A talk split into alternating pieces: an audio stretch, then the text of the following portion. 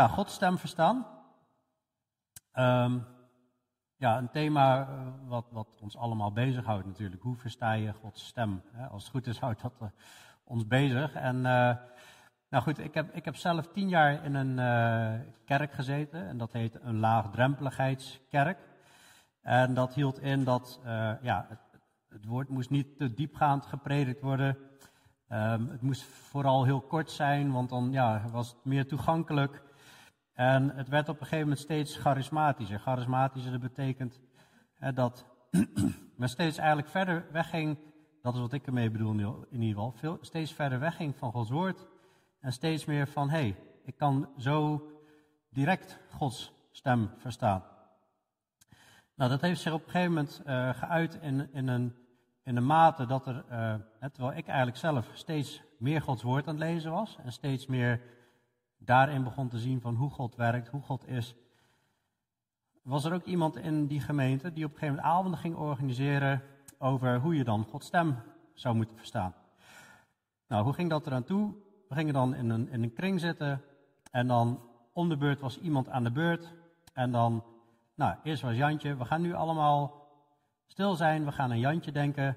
En het eerste wat er in je opkomt over Jantje, hè, en dan straks over Pietje en straks over Kees, nou, het eerste wat in je opkomt, dat moet je gewoon zeggen. En zo gaan we leren Gods stem te verstaan. En er kwamen dingen uit van, ja, ik zie een, eh, een ster met een gitaar erin. Iemand anders zei, ik zie drijvende kaarsen. Weer anders zag drie puzzels op elkaar liggen. En dan bij iemand anders zag iemand weer een boom of weer een halfvolle fles. En nou, sommige dingen denken, zou je misschien iets mee kunnen. Andere dingen denk je van, ja, hier kan ik toch helemaal niks mee. Dus ik ging het eind van die avond, ik ging naar huis. En ergens denk je, ja, dat zou toch mooi zijn, hè? Dat je zomaar allemaal openbaringen krijgt. Dus het voelt ergens voor, ja, je gevoel wel interessant. Maar ik ging naar huis en ik had toch zoiets van, heer, is, is dit werkelijk hoe we uw stem moeten verstaan? Met zoveel ruis? Hoe, hoe moet ik dit toetsen? Hoe moet ik dit... Is dit echt hoe wij uw stem moeten verstaan. Eigenlijk geloof ik er helemaal niks van. Want ik kon er eigenlijk gewoon helemaal niks mee met die, met, met die avond. Ook al zaten dingen tussen bij waar je denkt, zou interessant kunnen zijn. Er zaten ook heel veel dingen bij waar je gewoon niet weet wat je ermee moet. Nou, Gods stem verstaan. Uh, er zijn heel veel stemmen in de wereld. Uh, we hebben te maken met eigen gedachten die door ons hoofd gaan. We hebben te maken met de wereld, social media, boeken, onderwijs. Nou, van alles komt er op je af. Continu worden er gedachten in jouw gedachten geplant. Je hebt Satan, waarvan ik geloof dat hij rechtstreeks dingen in kan fluisteren bij mensen. Dat baseer ik op 2 Korinthe 11 vers 3. Ja, daar zegt Paulus, ik vrees dat zoals Satan in zijn sluwheid Eva verleid heeft, ook uw gedachten kan wegtrekken van de eenvoud van het evangelie. Dan heb je natuurlijk Gods stem. God die echt spreekt. En hoe kun je in die brei van geluiden nou daadwerkelijk Gods stem horen, Gods stem verstaan? Nou goed, en ik, ik geloof dat we daar echt absoluut de schrift voor nodig hebben. En dat is waar we naar kijken en dat is geloof ik ook wat de schrift zelf zegt, hoe we Gods stem kunnen verstaan. Dus ik wil kijken eigenlijk naar de vier punten. Gods stem verstaan in geloofsgehoorzaamheid, het evangelie. Gods stem verstaan in de gave van de geest, hoewel niet heel uitgebreid, dat komt later nog wel aan bod. Uh, Gods stem verstaan in de andere stemmen onderscheiden, die niet zijn stem zijn. en Gods stem verstaan in gewoon keuzes in de dagelijkse praktijk. Waar moet ik wonen? Met wie ga ik trouwen? waar, uh, wat voor studie moet ik doen? Dat soort zaken. We beginnen met uh, Gods stem verstaan in geloofsgehoorzaamheid. Er zit al het woord gehoor in. Je hoort dus iets. En dat gaat over wat, God zegt en daar gehoorzaam aan zijn. Dat is, daar zit uh, dus zijn stem verstaan in verweven. En als je naar de Romeinenbrief kijkt, waar het evangelie gewoon zo gedetailleerd wordt uitgelegd, alle mensen zijn schuldig. Niemand kan uit werken gered worden. We worden gered uit door het geloof, niet uit werken. Jezus is voor ons gestorven. Hij geeft vergeving. En dan houdt het daarmee niet op. Dan leggen we ons oude leven af en we gaan God dienen in gehoorzaamheid. Romeinen 1 spreekt over dat het doel is om de heidenen te brengen tot gehoorzaamheid. Romeinen 15, Romeinen 16 noemt het ook. En ik, ik vat het laatste stukje in de Romeinenbrief even samen. Het evangelie dat nu geopenbaard is en door de profetische schriften onder alle heidenen bekendgemaakt is, overeenkomstig het bevel van de eeuwige God om hen, de heidenen, tot geloofsgehoorzaamheid te brengen. Zodat, zodat mensen gaan luisteren, wat zegt God, wat, zijn zijn, wat is zijn wil, wat zijn zijn geboden, om in geloofsgehoorzaamheid daaraan gehoor te gaan geven. Als je uh, denkt aan Gods stem verstaan, het eerste uh, wat dan gewoon belangrijk is om te doen, van nou, waar spreekt de Bijbel zelf ergens over Gods stem verstaan? Nou, er zijn meerdere gedeeltes over, maar Hebreeën 3 is toch wel, en 4, is toch wel een heel sterk, krachtig gedeelte. Want daar wordt tot drie keer toe gesproken over Gods stem verstaan. Hebreeën 3 vers 7 zegt, daarom, zoals de Heilige Geest zegt, vandaag Indien u zijn stem hoort, verhard dan uw harten niet, of uw hart niet. Zoals bij de verbittering op de dag van de verzoeking in de woestijn. Hebreeën 3, vers 15 gaat over: Vandaag, als je zijn stem hoort, verhard dan uw hart niet, zoals in de verbittering. Hebreeën 4, vers 7, daar wordt ook gesproken hè, over: Vandaag, als je zijn stem hoort, verhard dan je hart niet. Wat is de context hier? De context is dat Israël is uit Egypte gehaald en moet naar God gaan luisteren. God die uiteindelijk een verbond gaat geven, maar God die ook daar al hun de weg leidt. En wat zie je eigenlijk is dat mensen geloofden God eigenlijk gewoon niet.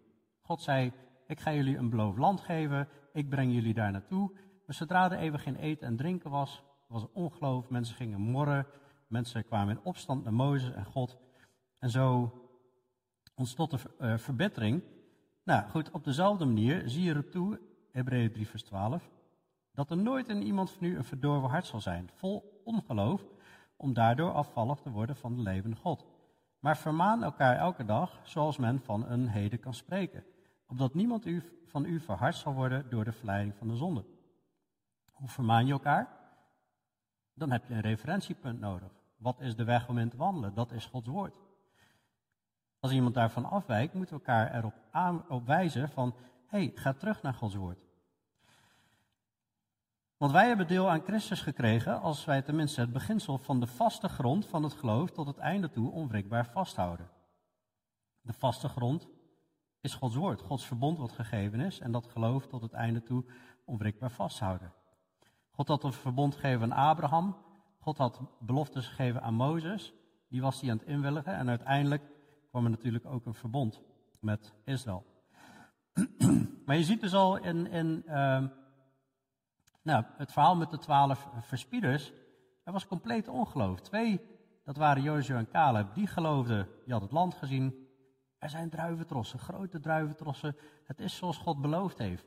en, en, God gaat het doen. Die geloofden. En de, en de tien die zagen de versterkte steden. En die zagen de reuzen. En die zagen, uh, wij zijn in hun ogen als springhaar. En, en die ontmoedigt het volk en miljoenen Joden hebben daarom niet geloofd. En voor die 40 dagen verkenning in de woestijn, of uh, in, in, in, uh, in het land Canaan, moesten ze 40 jaar de woestijn in. En die tien die stierven op die dag. Dus ja, zo, zo waren ze continu hun hart aan het verharden voor God, omdat ze gewoon niet Gods woord geloofden. Nou goed, dan uiteindelijk in Hebreeën 4 gaat het over, hè, er is nog een rust voor ons om in te gaan. En Hebreeën 4 vers 11 zegt, laten wij ons dan beijveren om die rust binnen te gaan, opdat niemand door het volgen van dit voorbeeld van ongehoorzaamheid ten val zal komen. En dan komt de kern, want het woord van God is levend en krachtig en scherper dan enig tweesnijdend zwaard. En het dringt door tot op de scheiding van ziel en geest, van gewrichten en mergen en het oordeelt de overlegging en gedachten van het hart. Er is geen schepsel onzichtbaar voor hem, maar alles ligt naakt en ontbloot voor de ogen van hem aan wie wij rekenschap hebben af te leggen. Dus je ziet drie keer, vandaag als je zijn stem hoort, verhard dan je hart niet. En uiteindelijk het punt waar de schrijver, waarschijnlijk Paulus, naar refereert, is van, we hebben het woord van God nodig. En uiteindelijk is dit aan ons gegeven als het woord van God. Je ziet ook in het, in het, in het begin van Hebreeën, uh, Hebreeën 1 vers 1 staat dat Nadat God voorheen vele malen en op vele wijzen tot de vaderen gesproken had door de profeten, heeft hij in deze laatste dagen tot ons gesproken door de zoon. Dus uit miljoenen miljarden mensen voor Christus heeft God enkelingen uitgekozen, enkele tientallen mannen, zeg maar. Die werden profeten. En die hebben gesproken, die zien we in het, in het Oude Testament. Maar in de laatste dagen heeft, tot ons, heeft God tot ons gesproken door de Zoon. Waarbij hij natuurlijk ook een aantal apostelen heeft aangesteld en fundamentleggers van het nieuwe verbond. En dit is aan ons overhandigd. En zo hebben wij het woord van God, dat is levend, krachtig en scherper dan enig tweestrijdend zwaard. En ik geloof dat dat is wat we moeten gehoorzamen. Je ziet ook dat uh, bijvoorbeeld Daniel zelf, die een profeet was, die verwijst eigenlijk naar het horen van Gods stem, naar het luisteren van, naar Gods wetten. In Daniel 9, daar is Daniel aan het bidden voor het volk. Hij ziet, hey, God heeft beloofd, we gaan weer terug naar 70 jaar, naar Israël, naar 70 jaar gevangenschap. En hij beleidt de zonde van het volk en hij zei, wij hebben niet geluisterd naar de stem van de Heere onze God, om volgens zijn wetten te wandelen, die hij ons gegeven heeft door de hand van zijn dienaren, de profeten. Dan natuurlijk Mozes, die heeft het verbond met Israël gekregen van God en, en doorgegeven. Wat eigenlijk al die andere profeten deden, was, was niks anders dan terugwijzen, ga terug naar het verbond. Ga terug naar het verbond. Ga terug naar het verbond. Jullie zijn ongehoorzaam. Er komt oordeel. Of dit of dat gaat gebeuren. Met ook heenwijzingen naar de Messias. Maar heel Israël heeft uw wet overtreden en is afgeweken door niet te luisteren naar uw stem. Uw wet overtreden, afgeweken door niet te luisteren naar uw stem. Daarom is over ons de vervloeking en de eed uitgegoten die beschreven is in de wet van Mozes, de dienaar van God, want wij hebben tegen hem gezondigd. In Leviticus 26 en Deuteronomium 28 vind je die oordelen als je niet luistert naar God. Hele zware, hele zware oordelen. Onder andere de vernietiging van Jeruzalem. Als je kijkt naar um, Galaten 5, ehm, waarom haal ik dit aan? Heel veel mensen denken dat. Ja, dan halen ze Romeinen 8 aan, hè? zoveel als door de geest van God geleid worden, die zijn kinderen van God. Maar ja, heel erg vaak wordt dan gedacht, oh ja, je moet hier iets horen en dan een stemmetje en dan ga je dat volgen. Terwijl we, hebben net gezien van, God wil dat we zijn verbond gehoorzamen. Dat is zijn stem verstaan en dat ga ik nog meer benadrukken. Maar geleid worden door de geest wordt onder andere in Galaten 5 ook omschreven. Wandel door de geest en je zult de werken van het vlees niet volbrengen. Dus wandelen door de geest is wandelen in heiligheid en in, en in de vrucht van de geest. Hij zet namelijk die twee tegenover elkaar. Het is bekend wat de werken van het vlees zijn, namelijk overspel, hoererij, onreinheid, losbandigheid, afgoderij, toverij, vijandschap, ruzie, afgunst, woede, uitbarsting, egoïsme, onenigheid, afwijkingen in de leer, nou, van alles en nog wat. Mensen die zulke dingen, doen, zulke dingen doen, zullen het koninkrijk van God niet beërven. Maar de vrucht van de geest is liefde, blijdschap, vrede, geduld, vriendelijkheid, goedheid, zelfbeheersing. Hiertegen richt de wet zich niet, maar wie van Christus zijn, hebben het vlees met zijn hartstocht en begeerte gekruisigd. Als wij door de geest leven, laten we dan ook door de geest wandelen. Maar dat gaat over op deze manier wandelen en niet op deze manier. Dat is wandelen door de geest. En liefde, dat vind je terug in de Bijbel. Jezus zegt, wie mij geboden heeft en ze bewaart, die het die mij lief heeft. De liefde naar God is door zijn geboden te volgen. En liefde naar naaste, daar staat de Bijbel, het Nieuwe Testament vol van. Van de geboden, hoe we elkaar moeten liefhebben. Maar de Heilige Geest bekrachtigt dat. Blijdschap, hoe krijg je volkomen blijdschap? Johannes 15. door in Jezus te zijn, in zijn liefde te zijn. Hoe doe je dat? Door in zijn woord te zijn en zijn woord in acht te nemen, zijn geboden in acht te nemen. Dan wordt je blijdschap volkomen. Nou, ga zo al die onderwerpen bestuderen en die komt steeds op Gods woord uit, bekrachtigd door de Heilige Geest. Maar het zijn ook woorden van de Heilige Geest. Het is niet, hè, je hebt de Heilige Geest hier en dan heb je, uh, optioneel heb je ook nog dit. Hier heb je Heilige Geest, hier heb je dit. Nee, dit zijn woorden geïnspireerd door de Heilige Geest. Dus als de Heilige Geest ons leidt, dan leidt hij ons hier door zijn woord. En dat wordt dus, ja, en wat ik noem charismatische kringen. Mensen die dus ja, heel erg veel in mijn optiek aan afwijken zijn van Gods woord en denken zo Gods stem te horen, zeg maar. Die zie ik dus eigenlijk van, ja, de Bijbel zegt wel dit, maar je moet je laten leiden door de geest. En alsof dat twee tegenpolen zijn soms. Ook in de gelijkenis van de zaaier, dan zie je eigenlijk terug dat degene waar het woord in, in goede aarde gezaaid is, de aarde, dat zijn de harten, het zaad, dat is Gods woord. er is één goed hart, en dat is hij die het woord hoort en begrijpt. Het woord van God hoort en begrijpt. Hier heb je het woord van God.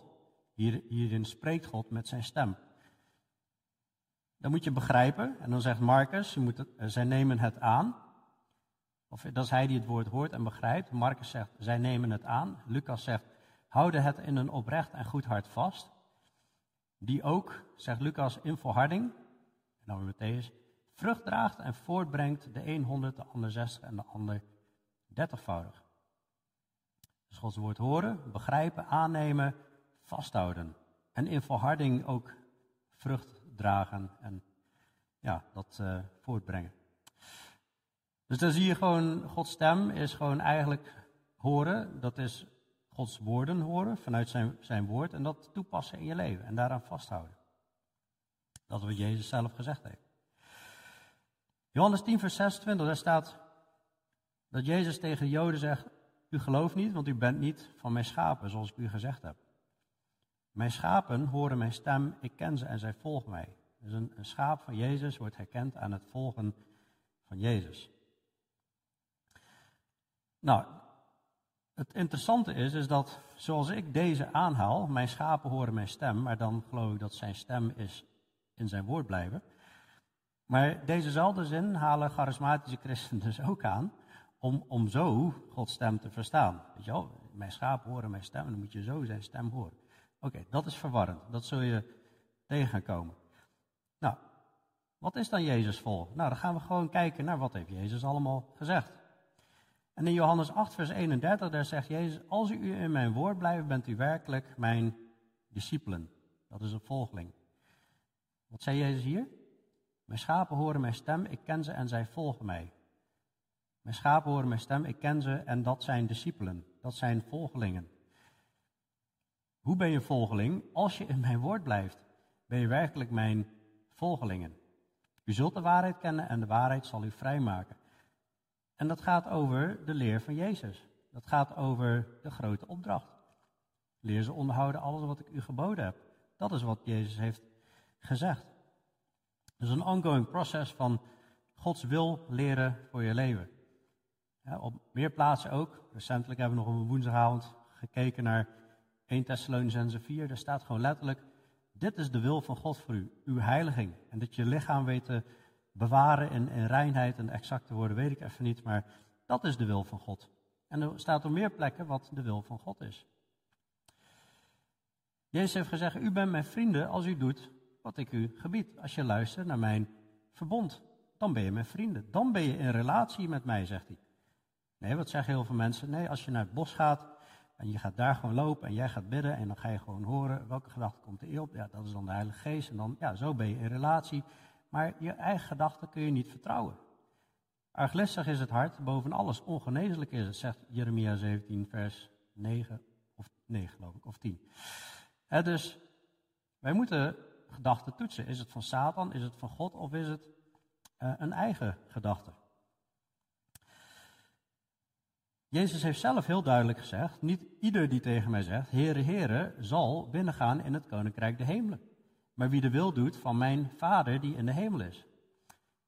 Veel mensen, dus echt velen, hè, zullen op die dag tegen mij zeggen: Dat klinkt alsof de minderheid dit dus niet volgt, maar velen zullen op de, die dag tegen mij zeggen: Heere, Heere, hebben wij niet in uw naam geprofiteerd? En in uw naam demonen uitgedreven en in uw naam veel krachten gedaan. Waar juist de charismatische kringen mee te koop lopen, profiteren. Ik hoor Gods stem, ik heb een boodschap voor jou, ik heb dit en ik heb dat. Demonen uitdrijven en in uw naam veel kracht gedaan. Dan zal ik hun openlijk zeggen, ik heb u nooit gekend. Ga weg van mij, u die de wetteloosheid werkt. Dus wat interessant is hier, is profiteren, demonen uitdrijven, krachten doen. Dat zijn op zich gewoon dingen die in de Bijbel tegenkomt. Maar blijkbaar is dat niet per se de wil van de Heer doen.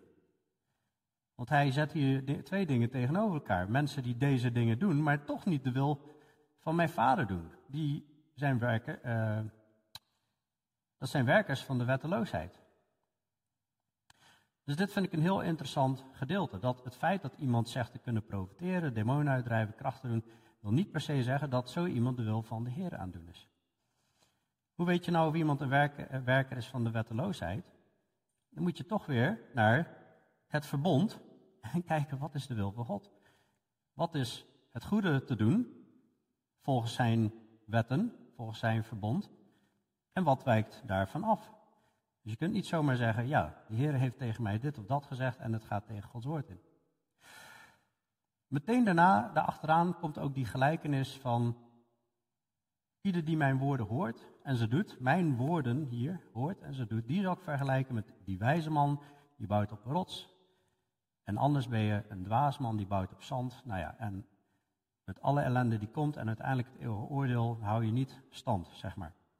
We kennen dat verhaal, en anders kun je het even nalezen. dus hij heeft het hier in de context over, er komen valse profeten, wolven in schapenvacht. Aan de vrucht herken je de boom. Dus in geloofsgehoorzaamheid leven, dat is wat God vraagt. Het evangelie aannemen, maar het evangelie is veel meer dan alleen maar, ik geloof dat Jezus gestorven voor mijn zonde, begraven en opgestaan. 1 Timotheus 1, vers 9 en 10 spreekt heel duidelijk over, over zonden, hè, of iets anders, wat niet in overeenkomst is met, uh, uh, wat, tegen de leer van de godsvrucht gaat, in overeenstemming met het evangelie. Dus het evangelie raakt veel meer, raakt de hele wandel, zeg maar, van een christen en van uh, hoe we behoren te leven. Nou, hoe kun je Gods stem verstaan in de gave van de geest? Nou, deze heb ik al wel vaker laten zien. er zijn gewoon gaven van de geest gegeven. Dat geeft de Bijbel. Niet allemaal zijn spectaculaire dingen. Profetie. Ik geloof in profetie, ja, je kan zeggen met, met, met, een, met een hoofdletter P en een kleine letter eh, P. Hè. Je hebt de profeten van vroeger, hè, die er waren voor de tijd van Jezus. En dan heb je Jezus, hè, dat zegt, zegt Hebreeën 1. Vroeger heeft God gesproken door de profeten, maar in de laatste dagen door de zoon. En tegelijkertijd zegt Efeze 3 dat ja, het, het, ons fundament, hè, wij zijn gebouwd op het fundament van de apostelen en de profeten. We hebben apostelen en profeten in de Bijbel, die hebben het fundament gelegd. Maar de Bijbel wordt niet oneindig lang doorgeschreven. Onze Bijbel is gewoon klaar. dus je hebt ook uh, het profiteren in het Nieuwe Testament is natuurlijk ook het woord, uh, spreken van woorden van vermaning, opbouw en troost, zegt 1 Korinther 14 vers 3. Dus als iemand zegt van, nou, vertrouw op de Heer met heel je hart en steun op eigen inzicht niet, zou je al als een profetie kunnen zien. Ja, je spreekt woorden van vermaning, opbouw en troost en tegelijkertijd doe je ook al een toekomstvoorspelling. Ja, ken hem in al je wegen, dan zal hij je paad recht maken. Maar goed, heel veel dingen zijn gewoon hele normale dingen. Helpen, dienstbetoon, onderwijzen, eh, bemoedigen, uitdelen. Ja, ik noem het normaal, maar het zijn gaven van de geest, dus het is toch wel heel, heel mooi natuurlijk. Dat, maar sommige zaken worden verheven, maar dit zijn gewoon uh, ook hele belangrijke dingen. Waar zijn de conferenties over laten we elkaar bemoedigen? Waar zijn de conferenties over laten we gewoon simpel dienen in de gemeente? Nee, de, conferenties gaan, gaan vaak over die spectaculaire wondertekenen. Men wil iets extra's hebben of zo. Leiding geven, ontfermen over anderen, woord van wijsheid, woord van kennis, geloof, genadegaaf, van genezingen. En even belangrijk om te noemen, wij, wij geloven gewoon dat God kan genezen. En we geloven gewoon dat God dat uh, op, op het moment ook gewoon wil. En maar er staat wel Jacobus 5, als iemand ziek is onder u, laat hij dan de ouderlingen bij zich roepen. Hè, en, dan, en dan kun je die zieke zalven, zeg maar, en voor hem bidden. Nou, en prachtig als God geneest. En uh, ja, zo niet. Oké, er staan wel beloften, maar God is uiteindelijk soeverein. Niemand, zal oneindig oud worden, zeg maar, hier op aarde in dit lichaam. Maar goed, uh, waar was ik gebleven? werking van krachten, onderscheid van geesten, wordt ook heel vaak vergeten. dat is een gave van de geest, om geesten te kunnen onderscheiden. Dat zijn we nu op dit moment ook aan het doen, deze avond. Allerlei talen, uitleg van talen, nou, daar, daar gaan we nog ook een avond over hebben. Bestuurlijke gaven, apostelen, profeten, evangelisten, herders en leraars. Daar gaan we later wat, wat, dieper op in. Maar als je kijkt naar die gaven in 1 Korinther 12 en 1 Korinther 14, wat staat daarin centraal? De liefde. Het hoofdstuk van de liefde. Dat is echt de kern waar de Bijbel de hele tijd op wijst. Dat is het hoofddoel van het evangelie en van alle geboden van God. Wandelen in liefde naar God en liefde naar mensen. En die, en die gaven die helpen daarbij. Die moeten daar uh, en hebben daarbij geholpen en ondersteunen dat. Maar bepaalde gaven zullen stoppen, zegt 1 Korinthe 13. Maar wat gaat uiteindelijk altijd blijven? Geloof, hoop en liefde. Die blijven. Maar de meeste van deze is de liefde. Dus waar ligt de nadruk op? Op geloof, hoop en liefde. Dat vind je in Gods woord en hoe we dat toepassen. 1 Korinther 14 zegt, jaag de liefde naar en streef naar de geestelijke gaven en vooral daarnaar dat u mag profiteren. Waarbij Paulus heel duidelijk is van, ik spreek in de gemeente liever vijf woorden met mijn verstand dan uh, duizend in een andere taal. Het zijn woorden van vermaning, opbouw en troost. Om de ander op te bouwen. Dat is wat God wil. Um, oh ja, daar staat hij. Wie profiteert spreekt op mensen woorden van opbouw en vermaning en troost. In Handelingen 15 daar zie je Judas nu en Silas, die ook zelf profeten waren, bemoedigden de broeders met veel woorden en sterkten hen. En dan zie je dat broeders elkaar ontmoeten en die vertellen over de werken die God aan het doen is. En dat lijken gewoon gesprekken te zijn van bemoedigingen. Het komt wel een keer voor in Handelingen 11 dat um, een van hen, van wie de naam Agabus was, stond op en gaf door de geest te kennen dat er een grote hongersnood zou zijn over heel de wereld, die ook gekomen is onder keizer Claudius. Dit was geen schrijver van het Nieuwe Testament, Agabus, maar hij doet hier wel een, een voorspelling over um, nou, een hongersnood, die ook gekomen is. Dus het is ook uitgekomen. Dit is heel erg zeldzaam in het Nieuwe Testament dat we dat zien. Dat iemand zo'n specifieke voorspelling doet en dat dat uitkomt. Maar het kan dus wel gebeuren. Maar dan moet het ook uitkomen. En als je kijkt naar Deuteronomium 13 en Deuteronomium 18, ja, daar wordt ook gesproken over hè, dat, die, dat het, ja, vooral Deuteronomium 18, dat het uh, belangrijk is dat het woord ook uitkomt. Verder zegt Paulus tegen Timotheus, predik het woord, volhard daarin, gelegen of ongelegen. Hè? Dus dit is gewoon de praktijk. We moeten het woord prediken. Want er komt ook een tijd dat ze de gezonde leer niet zullen verdragen. Ze zullen leraren uitkiezen die het gehoor zullen strelen. Ze zullen zich afkeren van de waarheid en keren tot verzinsels. Dus we moeten wel degelijk heel dicht bij Gods woord blijven en kijken van, ja, wat zegt Gods woord echt? In plaats van met verzinsels bezighouden. Daarom willen we ook heel graag vers voor vers de Bijbel boeken, zodat we echt weten van, hé, hey, horen we echt Gods stem of horen we een mens spreken? Petrus die vat eigenlijk de, de gaven eigenlijk zo samen, in, in één zin, als iemand spreekt, dan als iemand die de woorden van God spreekt, als iemand dient, dan als iemand die dient uit kracht die God schenkt, zodat God in alles verheerlijkt wordt door Jezus Christus. Dus ja, Gods stem verstaan in de gave van de geest. Ik denk dat je gave van de geest hebt. En die uh, moeten we allemaal toepassen, geloof ik. Alleen wel met de veiligheidsgordel. Hè. De, als je het hebt over het spreken in, in talen, er worden voorwaarden gesteld over hoe doe je dat. Nou, daar zullen we het nog over hebben. Maar ook profiteren. Nou goed, dus je ziet gewoon voorbeelden van wat Paulus wel doet en wat Paulus niet doet. Gods stem verstaan in keuzes in de dagelijkse praktijk. Nou, ik liet dit plaatje eerder al zien. In de dagelijkse praktijk heb je van alles. Eigen gedachten, wereld, gedachten van de wereld, Satan en Gods of Jezus stem. Nou, de Bijbel leert heel duidelijk van, wij moeten niet aan de wereld gelijkvormig worden. dus wat de wereld doet, moeten we in alles, moeten we dat toetsen en daar niet gelijkvormig aan worden. Hoe toetsen we dat? Dat toetsen we natuurlijk aan Gods woord. Wordt veranderd door de vernieuwing van je denken, om te kunnen onderscheiden wat de goede, welbehagelijke en volmaakte wil van God is. Dus daar hebben we Gods woord voor nodig. Hebreeën 5, heb je Hebreeën weer. We hebben, net gekeken naar Hebreeën 3, Hebreeën 4, dan komt Hebreeën 5. Dan zegt hij op een gegeven moment dat de mensen zijn, die zijn traag in het horen, gezien de tijd hadden ze leraren moeten zijn. Ieder immers die van melk leeft, is onervaren in het woord van de gerechtigheid, want hij is een kind, maar voor de volwassenen is er het vaste voedsel voor hen die hun zintuigen door het gebruik ervan geoefend hebben, om wat te kunnen doen? Om te kunnen onderscheiden tussen goed en kwaad. hey, ik hoor iets of ik zie iets.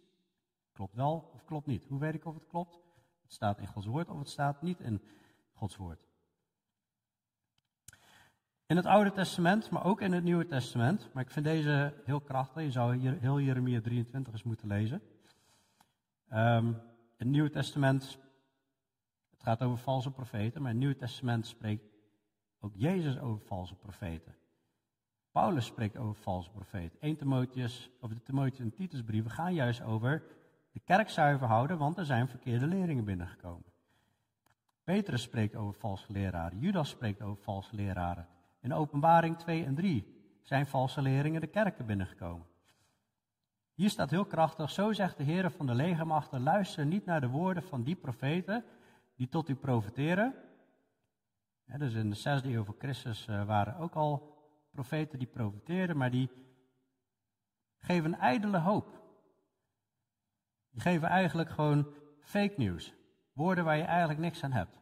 Of die niet kloppen. Zij spreken een visioen uit hun eigen hart. Dus niet iedereen die zegt, ik heb een visioen, heeft een visioen van de Heer. Je hebt ook visioenen uit je eigen hart. Niet uit de mond van de Heer. Steeds zeggen zij tegen hen die mij verwerpen, de Heer heeft gesproken, u zult vrede hebben. Zie, ik zal die profeten van bedriegelijke dromen. Dus mensen kunnen dromen hebben, maar bedriegelijke dromen. Zo spreekt de Heer.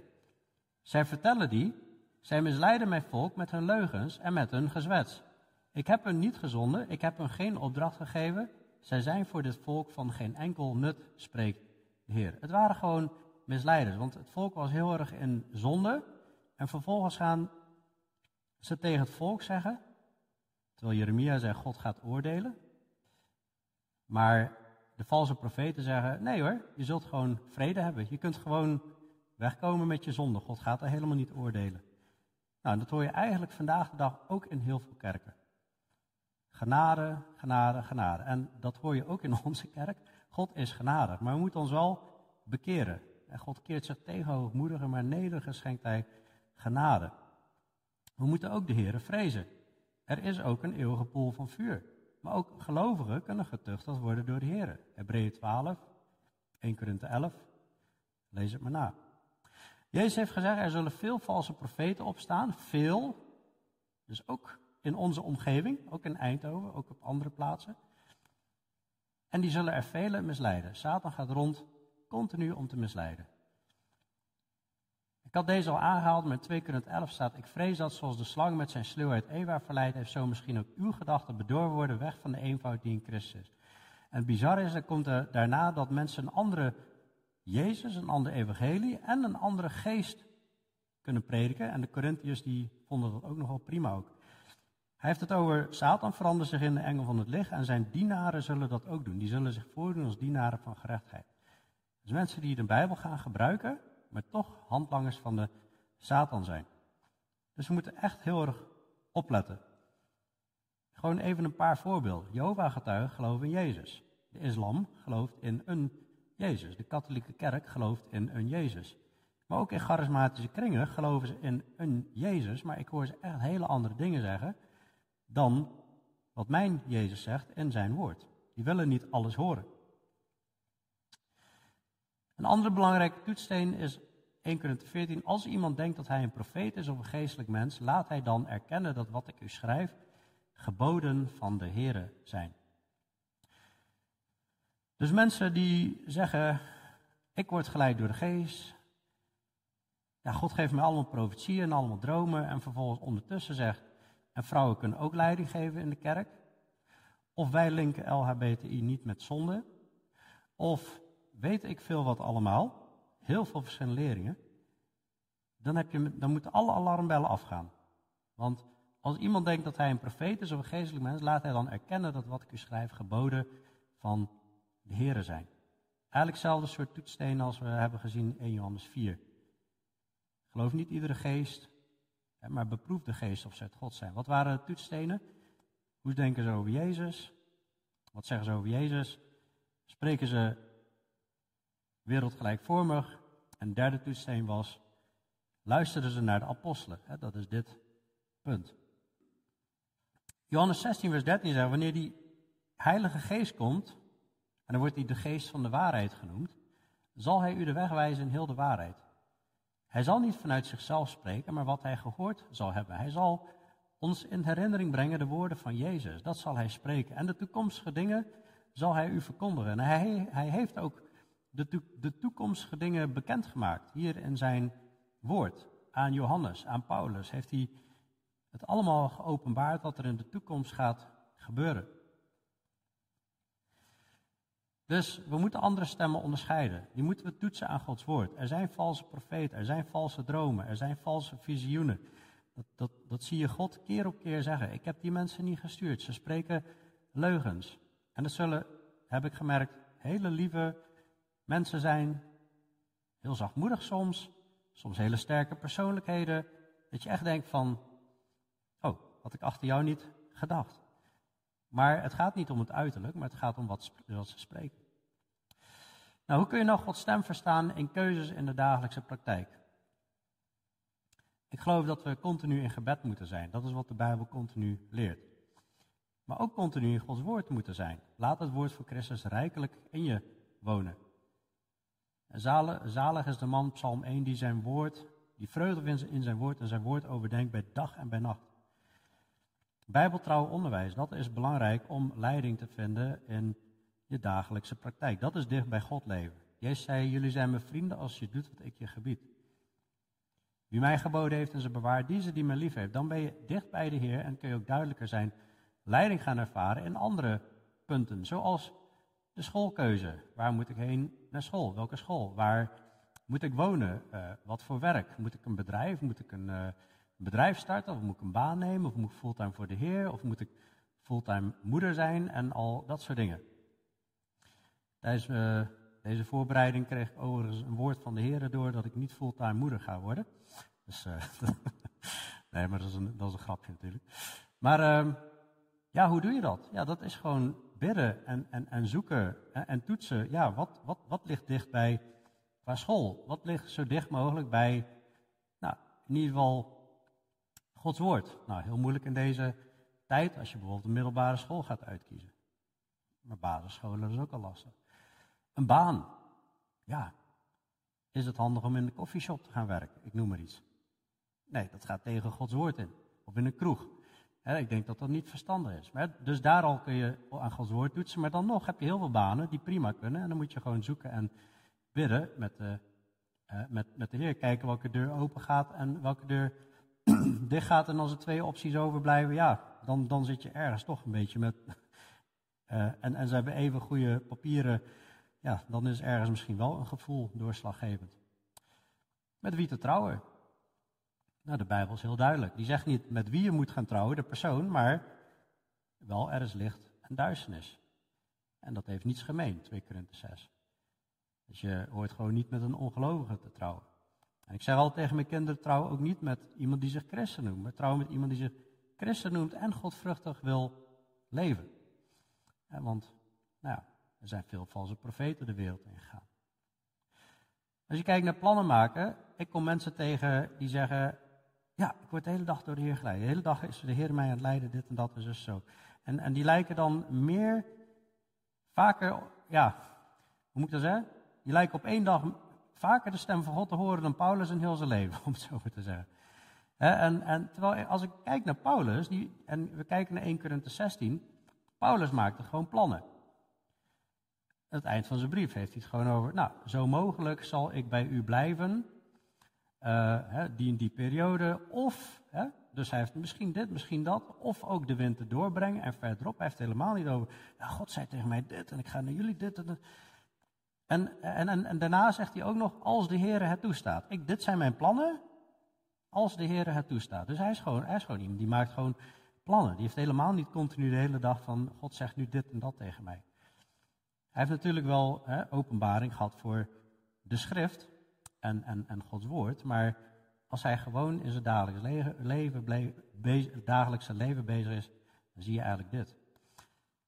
Daarnaast zie je in de reizen van Paulus in handelingen dat Paulus lijkt gewoon onderweg te zijn door Turkije.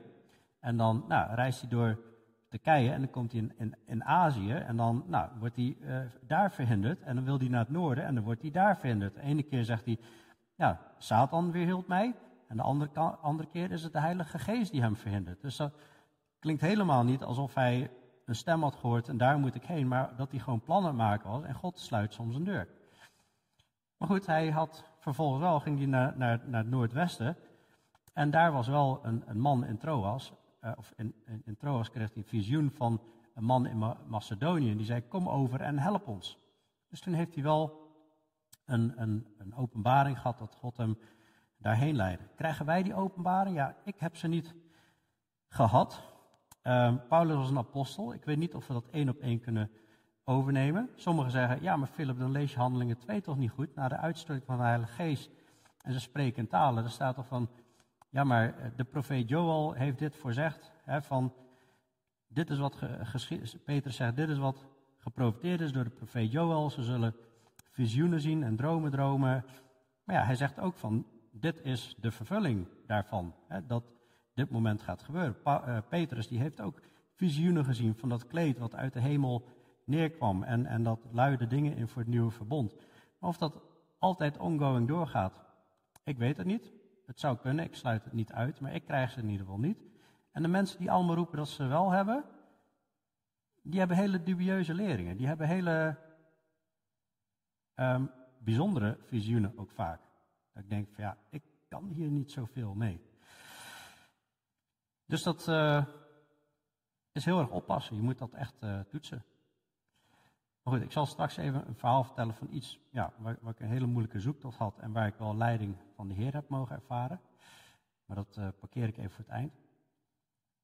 Jacobus leert heel duidelijk, als je plannen maakt, zeg dan, als de Heer wil en wij leven, dan zullen we dit of dat doen. Als er ergens een plek was waarvan ik dacht van, als er ergens een plek was waar je zou denken van, nou, als je door de Heer geleid moet worden door, wat ga ik vandaag doen? De Heer moet mij zeggen, nu moet ik naar links of nu moet ik naar rechts. Dan zou je verwachten dat dat hier wel zal staan. Nee, maar hier staat, als je plannen maakt, zeg dan als de Heer wil en wij leven, zullen we dit of dat doen. Dan kun je natuurlijk de Heer in betrekken en de Heer zoeken, maar mensen maken plannen, maar hou rekening met God. Ook zegt de Bijbel, als iemand van u een wijsheid tekort schiet, laat hij die dan vragen naar God. Dus we, krijgen niet continu, oh, nu moet je dit, nu moet je dat. Nee, soms weet je het ook gewoon niet. Soms is het ook gewoon even ja, wijsheid zoeken. Maar laat hij die dan vragen aan God, die aan ieder overvloedig geeft en geen verwijten maakt en ze zal hem gegeven worden. Nou, dat kan zijn door gesprekken met mensen, dat je tot wijze plannen komt of je leest Gods woord en dan zie ik denk, oh wauw, hier ben ik mee bezig. En nou, hier zie je een principe of een gebod of een, of een aanwijzing van de Heer. Je hebt ook gewoon zorgen in het leven. Soms heb je niet altijd gelijk een, een, een antwoord. En dan werp al je zorgen op Hem, want Hij zorgt voor u. Je zou er bijna onzeker kunnen worden van sommige mensen die continu de hele dag door zeggen Gods stem te verstaan. Ja, één laatste ding wat ik wil, wil zeggen is. Uh, ja, ik heb zelf dus op een gegeven moment een. een uh, ik was uh, na negen jaar gestopt bij mijn uh, werkgever. Ik laat even dat verhaal achterwege. Ik was een eigen bedrijf gestart, zeg maar, en, en bouwadvies, projectontwikkeling. En ik, ik, had een idee voor een, een, een bouwplan. En dat was hier naast station Strijp S, op dat gloeilampplantsoen. Daar naast Strijp S is dat. En nou, ik had de eigenaar van de grond, had ik daarover benaderd. En die bleek ook projectontwikkelaar te zijn. En we raakten bevriend, hadden goed contact. En we begonnen dat plan te ontwikkelen. En hij was er enthousiast over, ik was er enthousiast over. Ik ben met mijn idee ben ik ook naar de gemeente Eindhoven gegaan. Die waren er ook heel enthousiast over. En nou, ik, ik, had financierders gevonden en op een gegeven moment ja, is het van, gaan we dit starten of niet? Um, gevonden, maar er was nog, niks officieel ondertekenen. Maar dan kom je op het moment, het gaat over veel geld als dit plan doorgaat. En ik vond het heel spannend. Ik, ik, ik denk, heren, ik moet nu echt weten van u, is dit van u of is dit niet van u? Um, ik wil niet zomaar een domme keuze maken met, met veel geld wat niet eens voor mij is. Dus ik heb uh, ja, de heer gewoon gevraagd, wilt u mij iets van een belofte geven of zo? En uh, dat ik gewoon zeker weet, ik moet deze weg ingaan. En toen kwam ik op dat terrein en ik zou wat foto's maken en er stond altijd al een bepaald bord. Maar ineens op dat bord stond een, een iemand een hele grote plank geplakt en daar stond het woord op belofte. Nou, dat was wel heel interessant. Maar goed, ik dacht nog steeds bij mezelf, ja, uh, als je een blauwe Volkswagen Golf wil kopen, wat zie je dan overal rijden? Dan zie je overal blauwe Volkswagen Golfen rijden. Hè? Dus misschien is dit toch nog wishful thinking. Dus nou, ik maak er een foto van, ik laat het thuis aan uh, mijn vrouw zien. En ik open het op mijn computerscherm. En zonder dat ik het in de gaten had, um, zag ik op die foto dat ik een, een, een deel van het Philips-gebouw erbij had gefotografeerd met grote woorden Philips erboven. Dus ik, ik, keek zo naar die foto en er stond Philips belofte. Ja, toen begon ik wel een beetje achter mijn oren te krabben. denk ik van, oké, dit is wel, dit lijkt vrij specifiek. Maar nog steeds was ik aan het twijfelen. Ik denk, ik ga mijn vader eens bellen. Mijn vader is echt heel nuchter. Die, uh, die, die, heeft ook niet zoveel met dat, dat zweverig gedoe. Die zal heel strak en rechtlijnig zijn. Als iemand is die kritisch zou zijn, dan zou hij het wel zijn. Dus ik bel hem op en ik zei, ja, dit, dit en dat, ik vind het heel lastig. En hij zei, ja, Philip, je bent al heel lang aan het vragen van, God, wilt u mij duidelijk maken? Ja, dan moet, moet je ook niet verbaasd zijn als hij op een gegeven moment gewoon iets duidelijk gaat maken natuurlijk. Hè? Dus ja, ik kreeg op dat moment wel een brok in mijn keel. En uh, ik dacht, ja, heren, ja, als ik het verkeerd doe, dan volgens mij heb ik uh, hier volgens mij echt, echt duidelijkheid gekregen. Maar ik ga gewoon die weg in. Nou, uiteindelijk is dat project uh, de ontwikkeling na twee jaar gestopt vanwege uh, klimaatactivisten die dat niet wilden. Maar het interessante is, is dat wij wel twee jaar hebben geleefd van dat terrein en van die projectontwikkeling, zeg maar. En ik heb toen twee dagen in de week kunnen werken en ondertussen uh, hebben we de gemeente kunnen starten. En had God daar dus blijkbaar wel een, een plan mee. Alleen een ander plan dan het eindresultaat wat ik in gedachten had, zeg maar. En uh, ja, goed. Dus in de dagelijkse praktijk kom je soms wel eens lastige dingen tegen. En dat staat niet in de Bijbel. Moet ik dit project doen of niet? Er staat niet in de Bijbel wie je moet trouwen. Dus daarin zoek je toch gewoon wel echt de leiding van de Heer, Bijbelse principes. En uh, nou, in ieder geval, dat zijn de gedachten die ik wilde delen. Over.